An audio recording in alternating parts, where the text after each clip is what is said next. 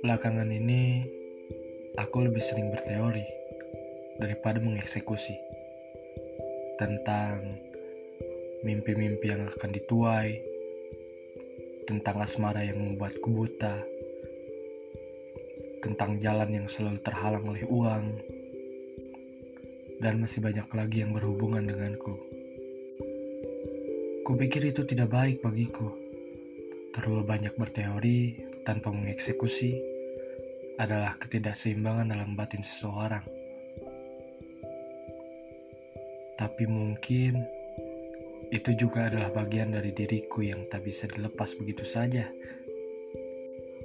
Sejujurnya, aku sedang tidak percaya diri dengan hati yang terus bicara dan otak yang terus mengingkari nuraniku.